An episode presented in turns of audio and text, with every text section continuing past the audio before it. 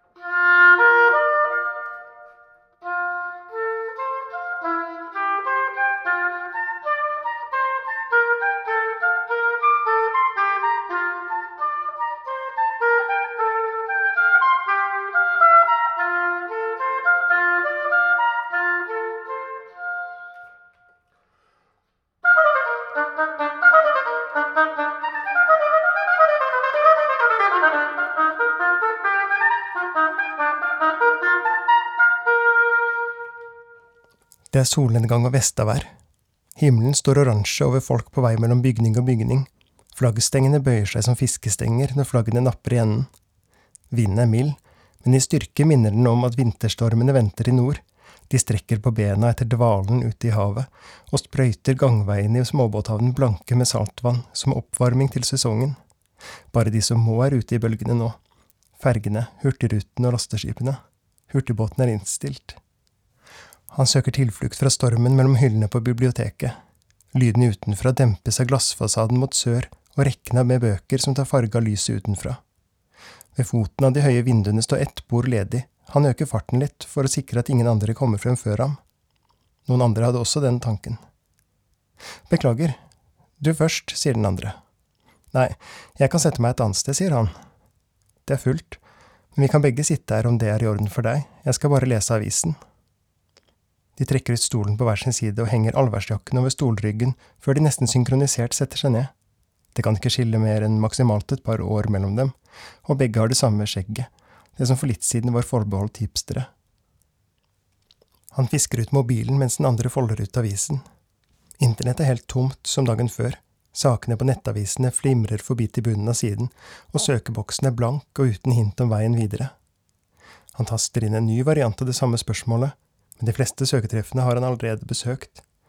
Himmelen gløder fortsatt like mye, selv om skjermen på mobilen slukner. Hvis du sto ovenfor et vanskelig valg, sier han. og venter på at den andre skal senke avisen. Hvis du måtte velge, og du ikke fant en rasjonell løsning på spørsmålet, hvordan ville du klart å bestemme deg? Den andre tenker seg kort om og svarer, jeg ville slått mynt og kron. Hva, hvis valget var viktig, da? Jeg ville slått mynt og kron, spesielt hvis valget var viktig. Men det er jo uansvarlig. Ikke mer uansvarlig enn å bli hengende fast i avgjørelsen, sier den andre. Nei, eh, det er i dette tilfellet, som er helt hypotetisk, et av valgene, å ikke gjøre noe. Da synes jeg du skal gjøre noe. I dette tilfellet som ikke høres så hypotetisk ut. Tvilen bør aldri få komme status quo til gode. Lett for deg å si. Det var du som spurte. Han smiler og forsvinner inn i avisen igjen. Utenfor går folk krumbøyd mot vinden med raske skritt. Inne i biblioteket er stemningen helt motsatt. Alle er litt stillere. De fleste sitter helt i ro, i status quo. Er du ironisk? Han venter igjen til den andre dukker frem bak avisen. Er du ironisk når du sier at tvilen ikke bør komme status quo til gode? Nei, det mener jeg helt bestemt, og jeg har forskningen med meg for hva det er verdt. Hva sier forskningen? At vi har en tendens til å foretrekke tingene slik de er, så når vi vurderer to utfall opp mot hverandre, vil vi automatisk se status quo som bedre enn det det er. Det betyr at når to alternativer oppleves som like, er det å ikke gjøre noe egentlig det dårligste alternativet. Det høres lett ut i teorien, lett å dosere om. Det var nå du som spurte. Jeg bare svarer deg. Men det er kanskje ikke de svarene du vil ha? Vet du hva, kanskje verden ikke er så vanskelig som vi skal ha det til hele tiden at mulighetene tar over for hverandre, men først når vi gir dem lov til det. Eller, sier han, det er vel ellers nok av eksempler på hvordan folk kjører tilværelsen i dass på grunn av mer eller mindre fikse innfall som skal fikse livene deres når de egentlig hadde det ganske greit der de var. Jo da, men det jeg sier er at det går begge veier, du ser bare ikke de som blir hengende fast. De gjør seg ikke så godt i portrettintervjuer i avisen. Den andre løfter opp avisen som for å illustrere, og øynene hans griper fatt i en linje og blir trukket tilbake inn i det han holdt på å lese. Nyheten om den rød-grønne sidens valgseier dekker forsiden. Innsiden er nok full av referater og tidlige analyser, folk som sier 'hva var det jeg sa', partiledere som gjør en god jobb med å minne folket sitt på at vi er ikke Amerika, at vi kan være gode vinnere og tapere sammen. Så pedagogiske de er. Han slipper tak i avisen med øynene og lar havnen ta over. Et lag med dråper dekker glasset. Har det regnet, eller er det sjøen som tar seg opp? Er det personlig? Den andre dukket fram bak avisen igjen, men møter ikke blikket hans. Jeg mener, det høres ut som dette valget ditt ikke handler om noe sånt som å kjøpe en ny tørketrommel eller ikke, men kanskje noe mer? Det handler faktisk aller først om en tørketrommel, sier han. Det er faktisk akkurat det det gjør. Ja, men hvor galt kan det gå?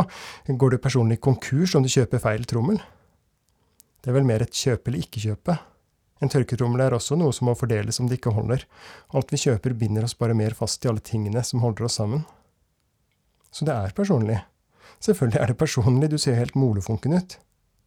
Molefunken, tror du det kommer fra tysk, sier han. Du vil helst snakke om noe annet, det var du som begynte.